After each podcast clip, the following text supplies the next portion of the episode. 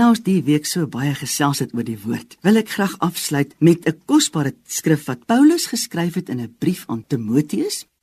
En ons kry dit in die tweede brief van Timoteus, hoofstuk 3, en ek wil vir jou lees van vers 14 tot 17.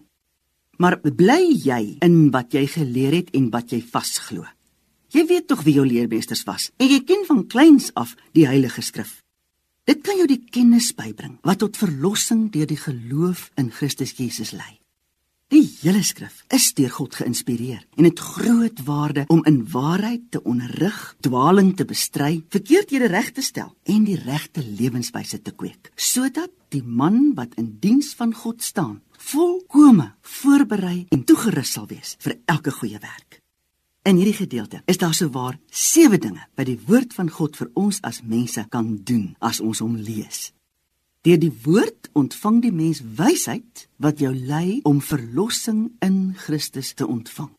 In die tweede plek, die woord stel ons in staat om te groei in ons geloof. Die geloof is dus uit die gehoor en die gehoor is deur die woord van God. In die derde plek, Deur die lees van die skrif ontvang ons kennis oor wie Jesus is.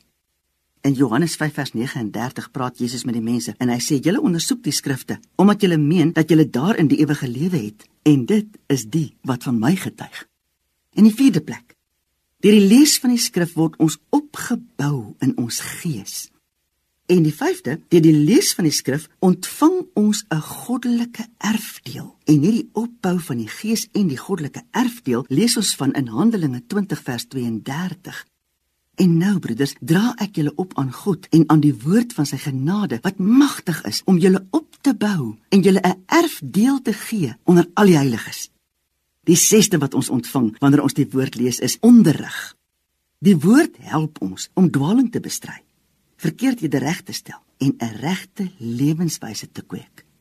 Dit onderrig ons in geregtigheid. En dan in die sewende plek. Deur die woord te lees, help dit ons hemelse Vader om ons voor te berei.